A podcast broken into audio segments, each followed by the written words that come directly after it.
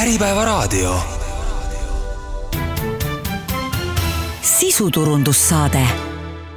Tervist, minu nimi on Hando Sinisalu ja tere kuulama sisuturunduse saadet. Ja täna on selles saates juttu liikuvusest ja liikuvusstrateegiast nii Eesti kui Euroopa tasemel. Ja räägime natuke ka Rail Balticust, mis on viimase aja transpordialal kindlasti kõige suurema mahuline ehitus Eestis ja täna on stuudios äh, Eva Killar, kes on Kliimaministeeriumi liikuvuse arengu ja investeeringute osakonna juhataja, tere! tere! ja Rail Balticu juht Anvar Salomets, tere! tervist! aga enne, kui äh, me rääkima hakkame konkreetsetest asjadest, siis võib-olla kuulajatele ka oleks oluline anda väike selline taustainfo Äh, selle kohta, mida need mõisted ja mil-, millest me üldse täpsemalt räägime, et, et kõigepealt äh, liikuvusstrateegiast, et äh, mida see täpselt kujutab, kui proovida seda nüüd kuidagi lihtsustatult meie sellisele tavalisele kuulajale ära selgitada, et mida see Eesti ja mida Euroopa liikuvusstrateegia endast kujutab ja miks see vajalik on? No liikuvusstrateegia võib-olla kõige üldisemalt võiks äh, kokku võtta sõnadega, et inimestel peaks olema võimalik liikuda just sellisel viisil, äh, kuidas just antud momendil on kõige mõistlikum nende jaoks. et äh, loomulikult suund on säästvamate liikumisviiside poole, nagu siis ühistranspordi kasutamine ja nimetatakse ka aktiivseid liikumisviise, mis on siis jalgrattasõit, jala käimine, et neid soodustada aga samas jällegi ei, ei unustata ka äh, autoliiklust, sellepärast et on olukordi, kus lihtsalt äh, see ongi kõige mõistlikum viis, kuidas liikuda. et äh, liiklusstrateegia kokkuvõttes ongi siis kõige, kõiki liikumisviise hõlmav, kõige mõistlikum ja, ja inimese vaatest kõige otstarbekam liikumine kui me nüüd vaatame sellist ütleme, kümne, kahekümne aastast tuleviku perspektiivi siin Eestis, et äh, mis selle strateegia järgi peaks olema teistmoodi võrreldes sellega, mis meil täna on? no meie suur äh, ikkagi suund on äh, raudteeliiklusel, Rail Baltica loomulikult on meie kõige suurem prioriteet siin riigis ja piirkonnas üldse, aga oleme alustanud ka siis teist, nagu riigisisese raudtee äh, elektrifitseerimise projektiga, et ja oleme tellinud äh, kuusteist uut rongi, et äh, see on meie kindel siis suund, soodustada rohkem siis raudteeliiklust. Ja, ja ka loomulikult on suund mitte ainult Eestis, vaid kogu Euroopas, ka maanteekaubaveo siis suunamine raudteele no see raudtee on äh, selles mõttes huvitav, et, et kui vaadata neid äh, kahekümnendate, kolmekümnendate aastate Eesti Vabariigi raudteekaarte, siis see raudteevõrgustik oli päris tihe ja oli see kitsarööpmeline raudtee ka, mis, mis viis kohtadesse, kus ammu enam raudteed ei ole ja siis äh, Nõukogude ajal oli ka raudteetransport päris aktiivne ja siis paarkümmend aastat oli see suhteliselt sellises varjusurmas, rongidega eriti ei sõidetud, need olid halva kvaliteediga, ühendused ei olnud ja nüüd on see taas. Siis tõusuteel ja Rail Baltic on äh, selle valdkonna kõige äh, suurema mahulisem projekt, aga äh, jällegi taust, et Rail Balticu kohta on mõned sellised igipõlised küsimused, millele ilmselt Anvar Salomets oskab une pealt vastata, et esimene küsimus on see, et millal Rail Baltic valmis saab, et kas, kas täna on mingisugune selline tähtaeg, mida enam ei saa edasi lükata, et, et selleks ajaks peab ta just valmis saama? jaa, see tähtaeg on jätkuvalt kaks tuhat kolmkümmend, see on siis ühtepidi riikidevaheline kokkulepe, ütleme riikideülene kokkulepe teistpidi ka siis kogu selle nii-öelda TNT raudteevõrgustiku üks valmimise vahetärmineid. ja noh, loomulikult meie siis inseneridena seda veendumust iseendas oleme kogunud ja, ja loomulikult julgeme ka jagada, et tehniliselt ta kahe tuhande kolmekümnendaks on tehtav. no sinna on suhteliselt vähe aega jäänud, kas see valmimine tähendab siis mida, et, et kui nüüd reisija vaatest vaadata, siis mida reisija aastal kaks tuhat kolmkümmend täpsemalt äh, teha saab? reisijal tekib äh, valikuvõimalus erinevate siis äh, rongiteenuste vahel, sest Rail Baltic ei ole ju mitte ainult kiirrong ei ole ka mitte ainult kaubarong, vaid erinevad rongiteenused, on kiirrong, on regionaalrong, tänane Elroni võrdlus näiteks, on öörong, kui me tahame sõita üle öö pikematel vahemaadel, nii et neid rongiteenuseid seal on rohkem kui, kui see üks kõige kiirem. ja, ja kuhu sellega sõita saab siis aastal kaks tuhat kolmkümmend? täna kõige otstarbekam, noh jällegi nii-öelda eh, siis liiklusspetsialistide, inseneride vaates kõige otstarbekam eh, on eh, loomulikult Baltikumi pealinnade vaheline liiklus, Eesti-sisene liiklus ja, ja siis ka öörongi liinil Tallinn-Varssav ja kaubaveod siis lähevad sealt edasi, kuhu iganes Euroopas vaja on, et seal nagu otseselt nii ajakriitiline see ei ole, kui võib-olla reisijate puhul jah, et kaup konkureerib äh, jällegi teistmoodi koridoridega, äh, teiste kaubakoridoridega ja, ja kauba puhul tõepoolest siis need tõmbekeskused või, või sõlmpunktid äh, asuvad laiemas perimeetris. aga see Rail Balticu ehitus käib ju etapiviisi, et, et mis see kõige esimene, kõige, kõige lähem etapp on, kus, kus reisija nagu tunneb, et ta nüüd saab Rail Baltica trassil Rail Baltical rongiga sõita, et ma saan aru, et see ju kohe esimese hooga päris äh, Varssavini välja ei lähe, et seal on oluliselt äh, mitu vaheetappi ka. No tegelikult äh, see, see kokkulepe ja teistpidi ka nüüd ootus Euroopa Komisjoni poole pealt on, on ikkagi sedapidi, et põhitrass, see tähendab siis Tallinn-Varssavi ühendus peab olema kahe tuhande kolmekümnendaks valmis. Nüüd igasugused nii-öelda täiendavad funktsionaalsused, noh, jutt käib ennekõike siis mugavusfunktsionaalsustest, on riikide enda valik, et kas nad teevad seda samal ajal, teevad seda kuidagi nii-öelda järgmises etapis, aga põhitrass ehk siis põhifunktsionaalsus äh, peab olema selleks ajaks valmis no Rail Baltica on ajas äh, oluliselt kallimaks läinud, nagu suured projektid ikka, igal pool maailmas, aga meid tabas äh, Äh, ka see päris äh, suur äh, inflatsioonihüpe just viimasel ajal, et kuidas nüüd selle lisafinantseerimisega on, et et kes need kulud katab?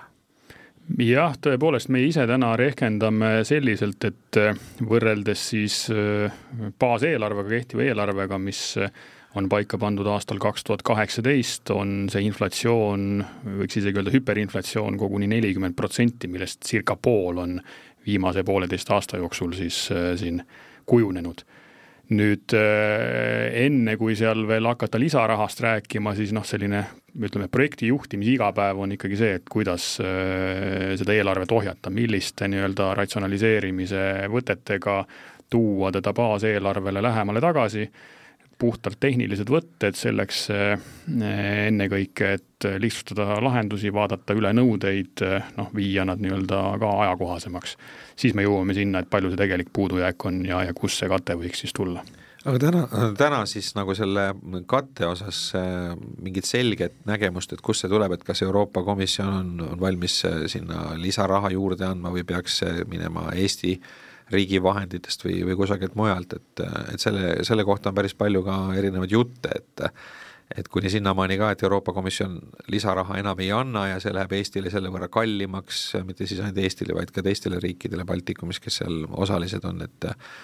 et neid spekulatsioone on õhus päris palju. Jah, eks see on tõe, tõepoolest väljakutse kõikidele, nagu öeldud, mitte ainult Eestile, kõikidele, kes, kes selles majandusruumis siin toimetavad ja ja igapäevaselt seda siis omal nahal tunnevad. komisjon,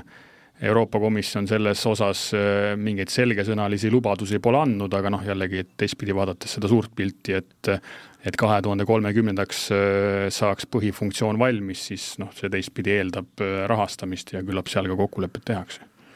nüüd äh, Rail Baltic on oluline ka, ka keskkonna seisukohast, et, et mis efekte siis täpsemalt annab, et, et kui jällegi me võrdleme siis nüüd tänase ajaga, kus seda veel ei ole,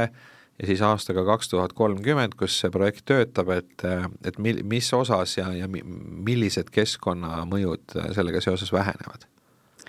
no eelkõige praegu, nagu ma enne ütlesin ka, siis suur eesmärk on kaubavedusid suunata siis äh, maanteelt raudteele. Äh, ka äh, raudteel kaubaveod äh, tegelikult on otstarbekad pikema kilometraaži juures, et Eesti tegelikult otsast lõpuni on natuke isegi võib-olla liiga väike selleks, et kaubavedu raudteel nüüd väga suuresti ära tasuks, seda küll soodustatakse ja tehakse, aga tegelikult ikkagi kaubavedu just pikemas pikemal marsruudil on otstarbekam ja, ja see on meie suur siis eesmärk, et kui Rail Baltic äh, olema saab ja ta saab olema, siis meile kohe tekib võimalus ka siis äh, kas või siis soodustada seda äh, kaubavedu siis raudteel. lisaks muidugi reisijate liiklus, et et kui me praegu mõtleme, et Tallinna ja Helsingi vahel, mis on siis, vahe on kaks tundi, eks ju, reisiaeg, liigub kümme miljonit reisijat aastas, siis tegelikult võib-olla on isegi natuke raske praegu inimestel seda hoomata, et Riia tuleb meile sama lähedale, kui on Helsingi. et ei ole mingisugune probleem hommikul sõita Riiga, käia seal äh, kultuuriüritusi nautimas ja õhtul koju tagasi tulla. et äh, selline äh, võimalus meil tekib ja, ja ma arvan, et see efekt saab olema selle tõttu päris suur no maanteel see tähendab siis seda, et need äh, veokid, rekkad, mis praegu näiteks äh, Tallinn-Pärnu-Ikla maanteel sõidavad, et siis neid peaks jääma vähemaks, et äh, osa sellest kaubaveost läheb rongidele? jah, selline suund kindlasti saab olema. aga nüüd reisijate osas Tallinn-Riia, kui, kui kiiresti siis Tallinnast Riiga peaks rongiga saama? Kui me räägime kiirrongiteenusest, siis äh, see täna hinnanguliselt, täna on hinnanguliselt tund ja, ja nelikümmend viis minutit, pluss-miinus. ehk siis äh, jah, nagu Eva ütleb, et äh, see aegruum on võrreldamatult teine selle olukorraga, noh, millega me täna harjunud oleme no skepti-, skeptikud ütlevad selle kohta, et meil on ju täna bussid ja autod ja, ja Riia vahel reisijaid nüüd nii palju ei ole, et kas Ähm, on teil äh, andmeid mõnest teisest sarnasest äh, kohast Euroopas, kus, äh, kus pärast kiirrongiühendust on siis teatud asustatud punktide vahel liiklus oluliselt kasvanud, et mis mõju see võiks avaldada, et võib-olla täna paljud mõtlevad, et Riia on liiga kaugel või liiga ebamugav sinna minna, et nüüd, kui tekib see võimalus, mugav võimalus, et äkki see siis mõjutab osa inimesi, ma ei tea, Äh, elama ühes linnas, töötama teises või ettevõtted kuidagimoodi laienema teise riiki või mis, mis mõjud seal on, et kuidas, kuidas te olete, kuidas te olete neid, neid hinnanud ja mis analoogiaid siin on võimalik välja tuua? minule meenub kohe kaks näidet, aga enne kui ma seda Euroopa näidet toon, ma tooks näite siitsamast, et keegi meist ju ei uskunud, et aastal kaks tuhat neliteist, kui Elron tuleb täiesti uue nii-öelda äh, teenuse tasemega või nii-öelda uue kvaliteedi tasemega, et reisijanumbrid sel määral suurenevad, nagu nad on siin parasjagu suurenenud, ehk siis et iga aasta Elron teeb tegelikult eh, järjest paremat tulemust. noh, ehk siis, et eh, siin ei ole vaja nagu kaugelt neid näiteid otsida, selleks, et saada aru, et raudtee on transpordisüsteemi selgroog ja kui ta panna nagu, nagu siin ka Eeva alustuseks ütles, otstarbekalt äh, inimese jaoks tööle, siis äh, ta sinna need kasutajad toob. nüüd see kaugem näide, Euroopa näide, mida mulle meeldib tuua, on äh, Brüssel-London kiirrongiühendus, mille keskel asub selline ajaloost tuntud linn nagu, Prantsusmaa linn nagu Lille, mis tänaseks on täielik metropol pärast seda, kui see raudteeühendus sinna tekkis ja see, see loogika tuleneb sellest, et ta jaotab täpselt pooleks selle teekonna Brüsseli ja Londoni vahel kas see tähendab, tähendab seda, et, et Rail Baltica äärsed linnad, noh näiteks Pärnu, et Pärnule võiks see tuua kaasa majandusbuumi? ta toob kindlasti buumi jah, kas nüüd ainult majanduses võimalik, et ka laiemalt seda noh, hindavad ka selle, selle piirkonna võtmetegelased sarnaselt, nii et küllap Pärnu saab ka sealt tugeva tõuke, jah mm. -hmm aga samas nende pikemate otste puhul ähm, noh, kui, kui tuua seda Tallinn-Varssavi analoogiat, see on umbes tuhat kilomeetrit on see vahemaa. ja sama pikk vahemaa on ähm, Euroopas, on Berliini ja Pariisi vahel on enam-vähem sama pikk maa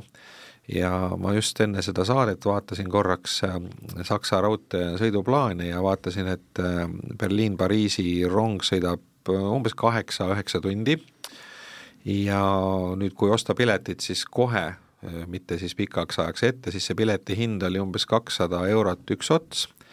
ja lennukiga, EasyJetiga sedasama maad saaks lennata siis tund ja nelikümmend viis minutit ja see pilet maksab kuuskümmend eurot. nii et ähm, noh, põhimõtteliselt nii aja kui rahaline võit on ikkagi üsna selgelt lennuki poolel, noh kuigi lennujaamad, eks ole, asuvad kesklinnast eemal ja, ja, ja see võtab noh, vähemalt paar tundi aega juurde ja kõik see registreerimise aeg ka, aga, aga ikkagi ta, ta tegelikult täna võib-olla isegi rohkem hinna mõttes ei, ei konkureeri, et, et kuidas selle Tallinn-Varssavi otsaga on, et täna on LOT-il sellel liinil päris head ühendused, Air Baltic lendab ka läbi Riia, et et kas te näete, et tõepoolest inimesed siis hakkaksid Varssavis ka tihedamini käima, see vist ka umbes saab olema mingisugune kaheksa, üheksa, kümme tundi ots või? jah, Rail Balticu kiirrongi puhul on ta seal kuus pool seitse äh, tundi. nüüd tõepoolest ma sellega nõustun, et puhtalt otstarbekuse kaalutlustel mina valiks päevase sõidu jaoks lennuki, jällegi nüüd rongiteenusena tuleb kõne alla öörong, ehk siis et rong, mis siis stardib Tallinnast hilisõhtul ja, ja jõuab Varssavisse varahommikul, et et see on see tegelik ütleme, taustsüsteem, millest siis tuleks, tuleks teda võrrelda. jah, kiirrongina äh, ei ole ta nüüd kõige mõistlikum viis valida äh, seda valikut teha, küll aga öörongina ja noh, seesamane äh, tuleviku nii-öelda eh, kasutaja tõenäoliselt juba valib eh, mitte ainult kombinatsioonis aeg ja raha, vaid aeg, raha ja, ja keskkonna jalajälg. Ja see öörong tähendaks seda, et tegelikult siis oleks võimalik ka hotelli ööbimise arvelt teisipidi natuke kokku hoida, et, et juhul, kui seal mugav ja mugav ööbida on rongis. ja täpselt nii, et see, sellest tegelikult ka, kui vaadata neid öörongi teenuseid, mis siin kas või Helsingi ja Põhja-Soome vahel on või, või vaadata seal Saksa tõmbekeskuste ja, ja suusakuurortite vahel, siis tegelikult hinnakujundus just sellest lähtubki mm. -hmm nüüd see keskkonna jalajälg, et, et kui, kui palju erinev see on, et, et rongisõit versus auto või, või lennuk, et, et, et kui, kui soodne või kui, kui vähem kurnav see rongiga sõitmine on võrreldes teiste liikidega? ma võin numbrites siin praegu eksida, aga kui ma võtan suhtarvudena, siis äh, rong versus äh, lennuk äh, on vahe kümnetes kordades, rong versus sõiduk, on ta siis sõiduauto või buss, on vahe kordades mm. -hmm ja, ja noh, seal ilmselt on ka vahe selles, et kas sõita ühistranspordiga ehk bussiga, kus on nelikümmend inimest pardal, või sõita üksinda autoga, et just, see võimendab. mm. -hmm aga nüüd äh, Eestis on äh, olemasolev äh, raudteevõrgustik ka ja Rail Baltic on, on selles mõttes erinev, et on teistsuguse rööpmelaiusega. et kuidas neid kahte asja omavahel ühendada, et, et noh, kui, kui soovida kas või ma ei tea, Tartust sõita siis Riiga, et kas see siis peaks käima läbi Tallinna või, või kuidasmoodi, sest noh, ma tean, ma ise olen ka tartlane tausta poolest ja, ja see, kui Rail Baltica trass läbi Pärnu läks, siis Tartus tekitas see ikkagi päris suurt äh, pahameelt, et, äh, et sellega nagu muudeti Tartu natuke ääremaaks. kuigi jah, kui nii-öelda joonlauga kaardi peale äh, neid vahemaid mõõta, siis on ilmselt üsna, üsna arusaadav, miks see nii, niimoodi ka läks võib-olla ma siin saan tartlasi rõõmustada, olles ise ka tegelikult tartlane, et äh, et tegelikult nüüd äh, järgmisest või ülejärgmisest aastast äh, pannakse käima Tartu-Riia rong. et äh, kuna raudtee on olemas, siis seda siis plaanitakse ka sihtotstarbeliselt kasutada, kuigi vist ka praegu on võimalik Tartust Riiga sõita, aga see on mõnevõrra ebamugav, võtab väga palju aega, et sellise projekti me siis koostöös siis Lätiga oleme siis alustamas. ja ettevalmistuseks selleks on siis juba käimas, et see rongiliiklus seal avada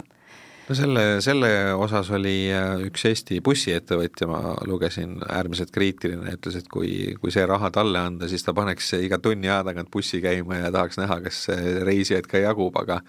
aga noh, ilmselt äh, tal olid ka oma, oma nagu äh, ärihuvid mängus, et ta sellist juttu rääkis, aga aga noh, võib-olla seal väike tõetera on? no kindlasti bussireisid on konkurendid äh, raudteele, aga me oleme mõelnud ka seda, et äh, et nad võib-olla igal pool ei peaks konkureerima, et võib-olla peaksid üksteist just täiendama, et seal, kus teatavasti rong ei saa igale poole sõita, et siis bussiliiklus saaks siis teostada kas siis ettevedu või neid, ühendada neid liine niimoodi, et inimestel oleks veel eriti mugav see liikumine no üks asi, mida reisijad äh, tihti kurdavad, on see, et, et eri transpordiliigid nagu see ühilduvus ei ole väga hea, et näiteks sõidugraafikud ei klapi. et sellest on päris palju räägitud, et nüüd, nüüd kohe tuleb see aeg, kus äh, sünkroniseeritakse busside ja rongide ja, ja võib-olla ka linna ühistranspordi graafikud, aga ikkagi seda vist ei ole juhtunud, et, et mis selles osas plaanis on, et oskate seda kommenteerida? no see on ikkagi tegelikult äh,, ma ütleks, pidev protsess. Üldiselt rongiliiklus dikteerib seda graafikut ja kui siin meil on ka viimastel aastatel päris palju olnud raudtee siis rekonstrueerimise projekte, mis tingivad seda, et alati rongid ei saa sõita sellise graafikuga, nagu võib-olla oli aasta alguses plaanis olnud, et siis sellest tingituna siis ka need bussigraafikud tuleb ümber teha ja need alati, need ei ole sünkroonis, et et arusaadavalt oleks ideaalses maailmas need kõik omavahel hästi ühendatud ja me teeme endast parima ja meie ühistranspordikeskused katsuvad planeerida oma liine niimoodi, et, et nad omavahel ühilduks, aga jaa, vahel äh, elu lihtsalt äh, äh, läheb teistmoodi, kui alguses oli planeeritud. kui mina tohin lisada veel, siis äh, konkreetne näide, et mis samme on astutud, kui me nüüd võtame sellesama raudtee kui, kui selle transpordisüsteemi selgroo, siis täna olemasolev raudteevõrk ja, ja ka nüüd lisanduv Rail Baltica võrk astuvad konkreetseid samme selleks, et see eh, nii-öelda ühildu, ühilduvus tekitada. Ja no milles see väljendub, on seesama taktipõhine sõiduplaan, et milline ta võiks välja näha, eh, küsimus ei ole see ainult mitte Eesti kontekstis, vaid siis Baltikumi kontekstis laiemalt, ja, ja seda siis noh, ühe alternatiivina on käsitletud niiviisi, et Ülemiste terminal võiks olla see nii-öelda sõlmpunkt, ütleme, et see nagu Eh, põhiline kell, mille järgi ülejäänud eh, süsteem siis paika pannakse, ehk siis et sealt on ümberistumised erinevate raudteesüsteemide vahel ja, ja ka erinevate muude siis liikumisviiside vahel, on see tramm või linnaliinibuss või, või maakonna või, või linnade vaheline buss. Kuidas Ülemiste terminali ja lennujaama ühendus välja hakkab nägema, et seal on tegelikult ju, nad on üksteisele päris lähedal ja täna äh, Ülemiste sellest äh, praegusest Elroni Eesti Raudtee Ülemiste raudteejaamast lennujaama. Äh, just nagu väga mugav liikuda ei ole, kuigi see vahemaa pole pikk, aga, aga seal nagu otseselt sellist head ühendust ei ole jah, selle peale me mõtleme, nii nagu siin ka saate alguses juttu oli, et noh, eks see, see, nii-öelda raha seab teatavad piirid, mis ei tähenda seda, et asju ei peaks tegema, aga äh, asjad tuleb siis panna etappidesse, mida me teeme alguses kohe, noh, seesama põhifunktsioon, ja mida me siis äh, teeme järgmistes etappides, nii ka selle äh, Ülemiste terminali ja lennujaama vahelise ühendusega, et Rail Baltica raames lihtsalt öeldes me lahendame ära selle barjääri efekti, et inimesed saavad nii-öelda eh, ohutult eh, raudteed ületada või, või täpsemalt alt läbi minna ja seal meie head naabrid siis teistpidi kavandavad nüüd seda nii-öelda eh, tänavakoridori siis lennujaama poole jupikaupa, et see terminal avaneks ka lõuna suunas, lennujaama suunas me rääkisime sellest, et aastal kaks tuhat kolmkümmend saab siis hakata ka tavaline reisija, meie raadiosaate kuulaja eh, rongiga sõitma näiteks Riiga ja sellel uuel trassil siis ja Riiga sõit võtab aega, mis see oli, kaks tundi vähem? natuke vähem, jah. aga sellest kiirusest on ka päris palju kriitikat, et on öeldud, et, et see, kuna see planeerimisprotsess on piisavalt kaua aega võtnud, et siis nüüd, nüüd oleks juba palju kiiremad rongid võimalik teha ja räägitakse siin Hyperloopist ja ma ei tea, kõikidest muudest äh, sellistest tulevikutehnoloogiatest, et äh, rongid võiks sõita juba viissada kilomeetrit tunnis, nagu nad vist äh, kusagil Hiinas ja Jaapanis teevad ka, et et kas, ähm, kas te olete selle kriitikaga nõus, et, et kui, kui, et kui see protsess oleks natuke äh, vähem aega võtnud või kui oleks nagu hiljem hakatud tegema, et siis oleks võinud juba hoopis uuema tehnoloogia ja hoopis kiiremad rongid sinna peale panna? me oleme saanud siin üksjagu tagasisidet jah, ka üllatavalt selles osas, et miks me ei tee tõupuhast kiirraudteed, et teeme siin justkui mingit eilse päeva tehnoloogiat, noh, ma olen alati sellele vastanud enam-vähem niiviisi, et see on täiesti adekvaatne tehnoloogia tänasel päeval ka. see tähendab siis, et projektkiirus kuni kakssada nelikümmend üheksa kilomeetrit tunnis reisirongidele, seda siis sellel põhjusel, et see võimaldab samal rööpapaaril kasutada siis nii reisi kui, kui kaubaronge. et see kontrast teistpidi, et kui me sõidame kolmsada pluss kilomeetrit tunnis, lihtsalt see kontrast kiiruste vahel, reisi-kaubarongi kiiruste vahel läheb nii palju suureks, suureks, et esiteks ta hakkab äh, takistama äh, ühe või teise liiklust, teiseks äh, tekivad seal küsimused juba nii-öelda hooldatavuses, noh ja kolmandaks loomulikult ka investeeringu maksumuses on juba tuntav vahe. Noh, hea näide siin, mida mulle meeldib ka tuua lähi, lähipiirkonnast teatavasti Rootsi võttis selle tee, et ta teeb äh, Stockholmist siis lõuna suunas äh, nii-öelda tõupuhta kiirraudtee, aga otsustas siis samamoodi poole tee peal äh, oma plaani ümber vaadata, noh, kus muuhulgas sai määravaks ka seesama investeeringu maksumus mm. -hmm aga kui nüüd rääkida sellest kaubaveost veelgi, siis ähm, need kaubaveod, mis, mis toimuvad täna raudteel, et, kas, kas või see, et kui, kui vaadata seda äh, Paldiski-Tallinna vahelist äh, liini, et seal sõidab päevas vist, ööpäevas ma pakun üks kuni kaks rongi. Ja võrreldes äh, selle ajaga, kui Venemaaga kaubandus oli aktiivne, on neid ikkagi jäänud väga väheks ja, ja üldse see idapiiri sulgemine on, on kaubavedudele mõjunud ju päris niimoodi laastavalt, et, et, et mis siin see perspektiiv üldse on, et kus need, kus need kaubad peaks tulema, mida, mida oleks vaja siis põhja-lõuna suunal vedada? see on hästi lihtne, et see kaup on suuresti ka täna olemas. me siin varem rääkisime maanteeliiklusest, sellest, kuidas need rekkad meid äh, Via Baltica peal takistavad, äh, noh, see on ilmekas näide sellest, kui palju tegelikult täna siis kaubavahetuses äh, seda, seda nii-öelda läbivat ehk siis transiitliiklust Eestis on või Baltikumis. Rail Baltica võtab suure osa sellest enda kanda, see on üks pool, teine pool on see, et uus koridor kahtlemata toob ka noh, uued ärivõimalused, on ju, ehk siis et eh, täiendava kauba, mis eh, muidu selles koridoris ei liiguks, kui seda koridori pole. nüüd siseriiklik vedu Rail Baltical ei oma mingisugust mõtet, vahemaad on liiga lühikesed, küll täna me näeme, et Operail on siin püüdnud siseriiklikku vedu Eestis olemasoleva taristu peal arendada Äh, on, on olnud kohati ka edukas, äh, täna mitte nii väga, aga noh, jällegi, et seal tuleb aru saada sellest taustsüsteemist, et äh, milline see taustsüsteem erinevate transpordiviiside jaoks on kujundatud. noh, lihtsalt öeldes, et raudtee kasutaja maksab suurema osa kulust, kui, kui seda näiteks teekasutaja teeb, nii et see tegelikult lihtsalt teeb selle võrdlusbaasi vildakaks või, või ebavõrdseks mm. -hmm Eeva, kui nüüd äh, Euroopa Komisjon äh, erinevaid liikmesriike analüüsib ja vaatab, siis ta teeb äh, riigiraporteid ja annab seal siis ka nõuandeid või, või teeb märkusi, et kuidas Eesti riigiraport välja näeb, et mida seal esile tuuakse plussidena või miinustena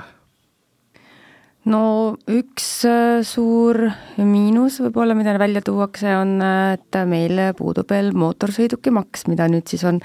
uus valitsus asunud siis äh, lahendama. selles, selles osas muidugi Rahandusministeerium on pädevam kommentaare andma, et ma väga ütleme, sügavuti seda siin ei analüüsiks, aga see on üks teema, millega Eesti siis nii-öelda negatiivselt silma paistab, et äh, ja, ja loomulikult nagu ikka, nagu enne ma ka mainisin, soovitused on äh, siis äh, suurendada raudteeliiklust, äh, kau-, kaubavedusid viia maanteedelt rohkem raudteele ja, ja sellised säästvamad va-, valikud siis soovitatud Eestile. Kui nüüd Eesti lennutranspordist rääkida, et, et siin on ka nagu üks selline äh, noh, nii-öelda eripära see, et Eesti asukoht geograafiliselt on, on suhteliselt äh, niimoodi Euroopa ääres, eks ole, ja see tähendab seda, et vahemaad äh, suurtesse keskustesse on pikad ja, ja see nagu noh, eriti kui, kui reisijatest rääkida, siis see eeldab seda, et kui ikkagi tahta Pariisi või, või Madriidi reisida, siis rongiga on seda natuke liiga pikk aeg teha aga samal ajal nagu lennuliikluse toetamine ei ole Euroopa Komisjoni prioriteet, et seda ei teha ja, ja tegelikult meil on siin ju negatiivne näide ka Estonian Airi case'ist olemas, kus, kus pidime trahvi maksma et, et kuidas selle probleemi lahendamisega on, et kas, kas siin on mingisuguseid võimalusi erisusi teha Eestile või kuidas me ikkagi nagu ennast paremini selle Süda-Euroopaga ühendada saaksime? no olles tõesti päris kaugel sellest äh, Kesk-Euroopast, siis äh, siis ega see lend, äh, isegi kui meil on Rail Baltica, siis see ikkagi jääb. et mida Euroopa Komisjon püüab äh, ka siis äh, liikmesriikidele siis südamele panna just nende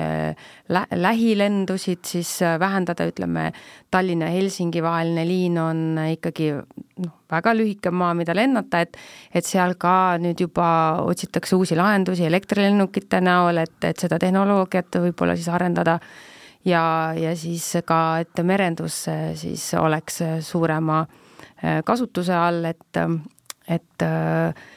püüda siis igakülgselt just neid äh, sa-, kõige saastavamaid äh, äh, transpordiliike siis äh, vähendada, mis just, just ütleme, lähilendude puhul on just väga, väga suure mõjuga. et põhimõtteliselt lennuk stardib ja siis kohe hakkab maanduma, et see just väga keskkonnasõbralik tegevus ei ole nojah, vist Helsingi puhul on enamik transiitreisijad, kes seda kasutavad, et lihtsalt Tallinnast Helsingisse lennata väga mõtet ei ole, aga isegi, isegi ajakulu võrreldes laevaga ei ole, ei ole nagu eriti palju kiirem. aga kuidas neid asju, kas Rail Baltica kuidagimoodi ka Riia lennujaamaga ühildub või kuidas sellega on, sest tegelikult Riia on siiski meie piirkonnas Baltikumis oluliselt suurem lennujaam, kui, kui on Tallinn või, või Vilnius jaa, ühildub, et teatavasti siis Rail Baltica äh, Lätis äh, omab põhilõuna, noh, ütleme siis sirget koridori ja omab seda nii-öelda Riia kolmnurka, mis siis tähendabki seda, et põhikoridori pealt sõidetakse Riia keskvaksalisse, sealt omakorda üle jõe lennujaama ja siis teistpidi lõuna poole tagasi. et see on Riia, Riia lennujaam ja keskvaksal kokku on ka senistes hinnangutes olnud päris suure nii-öelda reisijate osakaaluga äh, Eh, just eh, sihtpunkti mõttes eh, Eestist, Eestist väljaspool oleva esimese sihtpunkti mõttes. see tähendab siis seda, et tegelikult on täiesti realistlik hakata Tallinnas või, või siis Pärnus elaval inimesel kasutama aktiivsemalt Riia lennujaama niimoodi, et sõita rongiga sinna nii-öelda kohale ja lennata siis sealt edasi? jah, sõltub jätkuühendustest, aga kui see pilt on nii, nagu ta täna, et sul on pakkuda paremaid ühendusi, siis küllap reisija nii-öelda valib esimeses valikus Riia, jah noh, Euroopas mitmel pool on, on lausa niimoodi, et äh, kui ma nüüd õigesti mäletan, siis Air France äh, opereerib äh, Pariis, Brüsseli nii-öelda seda lendu siis rongiga. et, et see on tegelikult nagu nende sõiduplaanis ja, ja siis, kui on kellelgi mingi ühendus, ma ei tea, New Yorgist Brüsselisse läbi Pariisi, siis ta tegelikult Charles de Gaulle'i lennujaamas läheb rongi peale ja sõidab sealt edasi ja neid näiteid on teisi ka, et, et kas, kas meil on ka nagu selles suunas mingisuguseid arenguid, et, et neid erinevaid transpordiliike niimoodi ühendada, et siis ütleme, reisija seisukohast oleks tal nagu hästi mugav ja selge, et, et võib-olla teda täpselt noh, täna ka seoses nende raudteeremontidega väga sageli on see, et äh, sa ostad rongipileti, aga siis lõpuks ikka sõidad bussiga vähemalt osa maad, et et äh, noh, kokkuvõttes pole vahet, et saad, saad kohale punktist A punkti B, aga aga need lennu- ja rongiühendused, et, et kas siin on ka mingisuguseid ideid või, või äh, plaane, kuidas seda, seda niimoodi korraldada siin, nagu, nagu Euroopas tehakse?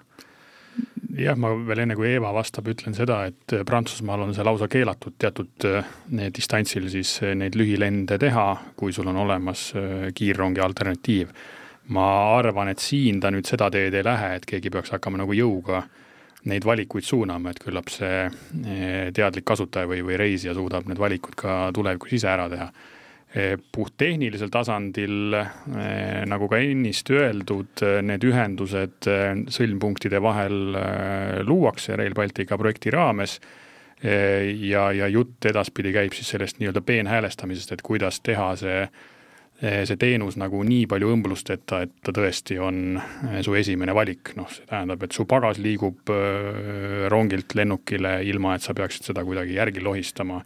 et sul on üks piletisüsteem,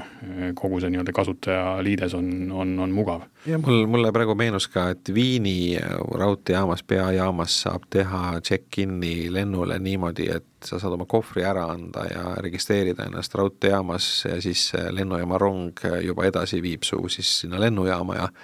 seal läheb palju kiiremini, et, et need teenused on, on ühendatud mujalgi jah, no konkreetseid selliseid äh, skeeme me veel välja töötatud pole, aga arvestades, kui lähedale saab äh, lennujaamale äh, Rail Baltica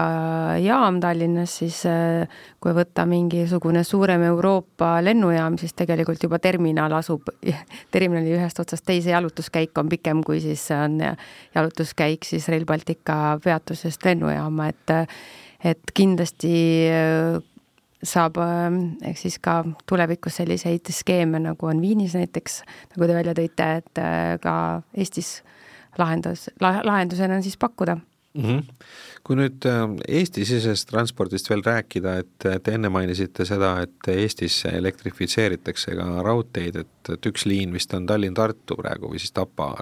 yeah., Tapa-Tartu, mida elektrifitseeritakse, et mis, mis plaanid siin veel on? Ja, ja selle käigus me lihtsalt mitte ei elektrifitseeri, vaid me ka teeme neid äh, trassi sirgemaks, sest rongi eripära on see, et äh, ta saab sõita kiiresti siis, kui trass on võimalikult sirge. ja see on ka üks põhjus võib-olla, nagu enne siin oli juttu, et miks Rail Baltica võib-olla ei ole nii kiire rong, et üks on see kaubaveo ja reisijate veo ühildamine, aga teine teema on see, et mida kiirem rong, seda sirgem trass peab olema mis tähendaks kohe ka äh, maade omandamise osas, mis on üsna valus teema, et äh, rohkem maade omandamist, et, et on püütud äh, siis lahendus kirik keset küla nii-öelda. aga mis puudutab jää elektrifitseerimist, siis eesmärk on siis sellega ka seoses siis ka neid kurve nii-öelda õg-, õgvendada, teha sirgemaks trassi ja võimaldada siis sada kuuskümmend kilomeetrit tunnis kiiruseid mis see ideaalis siis ütleme, Ülemiste Tartu ähm, reisiaeg võiks, võiks olla, et täna on meil enam-vähem täpselt kaks tundi või natuke alla isegi? see siis kohe jälle sõltub sellest, et mitu peatust seal vahepeal on, eks ole, aga äh, ma päris selle täpse kiiruse praegu jään võlgu, et kui palju see tuleb, aga no tund kolmkümmend ei tohiks olla probleem. ta umbes ja, tund kolmekümne peale peaks olema võimalik äh, seada seal küll, jah. muidugi tekib, äh, need rongid iseenesest võimaldavad saja kuuekümne kilomeetri tunnist kiirust, et äh, seal tekib muidugi jälle see teema, ohutuse teema, et et ülesõidud peavad olema ohutud, et rong seal kihutada saaks, et et tõkkepuudega eraldada ja, ja sellised küsimused võivad seal tekkida, et aga iseenesest jaa, et kaks tuhat kakskümmend seitse siis peaks olema võimalik siis juba väga kiiresti Tartusse jõuda ka Tallinnast. Nojah, see, see näide, mis, mis Anvar ka enne tõi, kui, kui palju on Elroni reisijate arv kasvanud tänu sellele, et on, on mugav võimalus, et igaüks, kes reede õhtul üritab Tallinn-Tartu otsa sõita, see ilmselt on on kogenud seda omal nahal ka, et seal neid soovijaid ikka, ikka jagub oluliselt rohkem, kui, kui istekohti rongis on ja kui see kiirus ka veel suureneb, siis tegelikult on võimalik täitsa vabalt ju äh, ühes linnas elada, teises töötada, mis, mis muudab nagu noh, ütleme ka mõlema linna majandust ja ma ei tea, mõjutab kinnisvara hindu ja mis kõike veel, eks ole, et seal on mõju on päris suur aga üks selline raudteeprojekt, mis Eestis nüüd äh, nii-öelda ära äh,, ära külmutati või, või vaka alla pandi, oli see Haapsalu või Rohuküla raudtee, mis ka tegelikult varasemates plaanides oli, et kas siin on praegu mingi lootus, et, et need, äh, ma ei tea, võib-olla mõni, mõni projekt veel, aga see konkreetselt see Rohuküla oma oli ikka päris nagu tõsine plaan ju see on selles mõttes ikka veel äh, plaanina olemas, et projekteerimine praegu käib et ehituseks küll momendil vahendeid ei ole, aga projekteerimine tehakse siiski lõpuni. lisaks on äh, praegu muutmisel siis äh, selline määrus, Euroopa Liidu määrus, mis on siis üle-euroopalise transpordivõrgustiku määrus, lühend on sellel TNT ja see määrusel on siis ära toodud kaartide peal kõige olulisemad üle-euroopalised siis need transpordikoridorid ja, ja trassid ja selle uue määruse siis selles lisas oleva kaardi peal me siis oleme sinna lisanud ka siis selle Haapsalu raudteetrassi kuni Rohuküla sadamani. nii et äh, see plaan ei ole äh, kindlasti päris äh, ära siis unustatud või, või tallele pandud, aga ta on lihtsalt praegu siis raha rahaliste vahendite puudumise tõttu on ta natuke siis edasi lükkunud, aga projekteerimine käib no sellel samal kolmekümnendate aastate Eesti raudteekaardil on, on muidki huvitavaid ühendusi, et äh, on äh, Mõisakülas raudtee ja siis äh, ma olen ise veel nõukogude ajal sõitnud Võru ja Valga vahel rongiga. et, selliseid, see küll läheb läbi osaliselt vist Läti Vabariigi territooriumi, aga aga, aga ma olen neid lugusid kuulnud enne ka, et seesama Mõi-, Mõisaküla äh, või, või siis Pärnu-Valga rong vist sõitis niimoodi, et vahepeal keerati vaguni uksed lukku ja kedagi välja ei lastud, kui ta läbi Läti sõitis ja siis pärast tehti jälle lahti, et neid neid raudteeajaloo põnevaid asju on, on siin teisigi, et et kas, kas on veel kuskil ma ei tea, plaanide tasemel või ideede tasemel mingisuguseid ühenduspunkte mõttes, mida võiks kas raudtee taastada või lausa uue ehitada Eestis? No kui me vaatame siis seda Tallinna piirkonna liikuvuspilti, siis erinevaid ideid on selles osas, mis puudutab lääne suuna paremat ühendamist Ülemistega, kus tegelikult ju nii-öelda teatud osas on raudtee olemas, seisab kasutuseta, räägitakse siin Maardu ühendamisest ideede tasandil, samamoodi siis ka Kopli piirkonna ühendamisest, nii et siin teatud äh, sketše joonistatakse Vi. Viimsi poolsaarelt. Viimsi poolsaare sealhulgas ka jah, jah, mis selle Maardu suunaga haakub. et neid joonistusi siin on, on liikunud, kas need ka kuskil hakkavad kuju võtma, noh, veel enam kuhugi rahastus nagu nimekirja jõuavad, seda mina ei tea, aga vähemasti jah, tore on vaadata ja kaasa mõelda mm. -hmm. räägime lõpetuseks natukene veel ähm, alternatiivsetest kütustest ka, mis, mis täna on suures osas ikkagi elekter, vesinik on, on võib-olla vähem realistlik. mis, äh, kuidas Eesti selles osas silma paistab, et, et kui me räägime eelkõige sellest taristust, et, et kui hästi, kui tihedasti oleks näiteks täna võimalik elektriautosid laadida, et kuidas me siin Euroopaga võrreldes oleme? Eesti tegelikult oli Euroopas esimene riik, kus üle, oli üle riigi see äh, elektrilaadimisvõrgustik tagatud. Äh, aga sel momendil, kui me seda tegime, siis me olime natukene ajast ees ja need laadimis, need otsikud tol hetkel ei olnud veel üle-euroopalist standardit ja need said siis pandud selle parima teadmise juures, mis siis sel momendil olid nüüd siis on need hakatud vaikselt ümber vahetama, sellepärast et standard, milles kokku lepiti, on teine ja äh, aga noh, neid vana standardiga la, autosid on veel piisavalt. aga üldiselt oleme päris jõudsasti on meie erasektor arendanud neid äh, laadimistaristut ja ka äh, siis selle Euroopa ühendamise rahastu ehk CEF-i toel on äh, toetust saadud selleks ja ja tegelikult praegu see taristu nende autonumbritele täiesti vastab, mis praegu meil olemas on. küll me teeme riigi poolt kindlasti jõupingutusi selleks, et äh, ühest küljest ka elektriautosid juurde tuleks Eestisse ja teisest, et see taristu oleks siis igakülgselt siis sobilik ja, ja just täpselt seal, kus siis kõige rohkem vajadust on. et äh, meil ongi plaanis äh, siis toetada äh, CO2 vahenditest äh, taristut äh, rajamist just, mis puudutab just veoautode, elektriveoautode laadimiseks mõeldud siis laadijaid, et neid ilmselt erasektor ise seal, kuna seda äri seal nii palju ei ole, neid veoautosid veel ei ole, et muna ja kana küsimus natukene, et siis seal tuleb siis riik kindlasti appi ka siis, siis selle taristu osas ma saan siia lisada, et äh, mingisugune vahepealne seis näitas, et Rail Baltic Eestis on äh, kõige suurema äh, laadimispunktide arvuga siis ettevõte, seda küll paberil, aga siiski, ma nüüd ei ole viimast võrdlust teinud, et võimalik, et siin erainvestorid on läinud juba mööda, aga puhtalt selle tõttu, et need nõuded, mis kehtivad, kuuluvad loomulikult täitmisele ja meil on lisaks rahvusvahelistele reisiterminalidele ka kohalikud peatused, tüki kaksteist, kus siis kõiki neid nõudeid tuleb rakendada niipea, kui sa mingisuguse nii-öelda uue arendusega sinna lähed. et ühesõnaga, kõik kohalikud peatused on, on siis varustatud elektriauto laadimisseadmetega? võimekusega, jah. Jah, ja ilmselt seal on ka parklad korralikud, kus äh, on võimalik siis seda pargi ja reisi meetodeid kasutada, et, et inimesed saaks äh, elada kusagil äh, looduskaunis kohas ja mugavasti linnas tööl käia. just. Eestis minu teada vist vesinikuauto laadimise nii-öelda ametlikku jaama ei ole, et vist lähim peaks olema Riias minu teada. Jah, et äh, selles osas oleme jah, praegu ütleme siis natuke vaeslapse osas, et see on see muna ja kana, kumb peaks enne olema, kas laadija ja siis auto või enne auto ja siis laadija. et, äh, et siin me oleme natukene äraootaval seisukohal, et äh, see tehnoloogia on momendil ikka veel üsnagi selline ressursimahukas, et et hea meelega näeks äh, selle tehnoloogia kiiret arengut,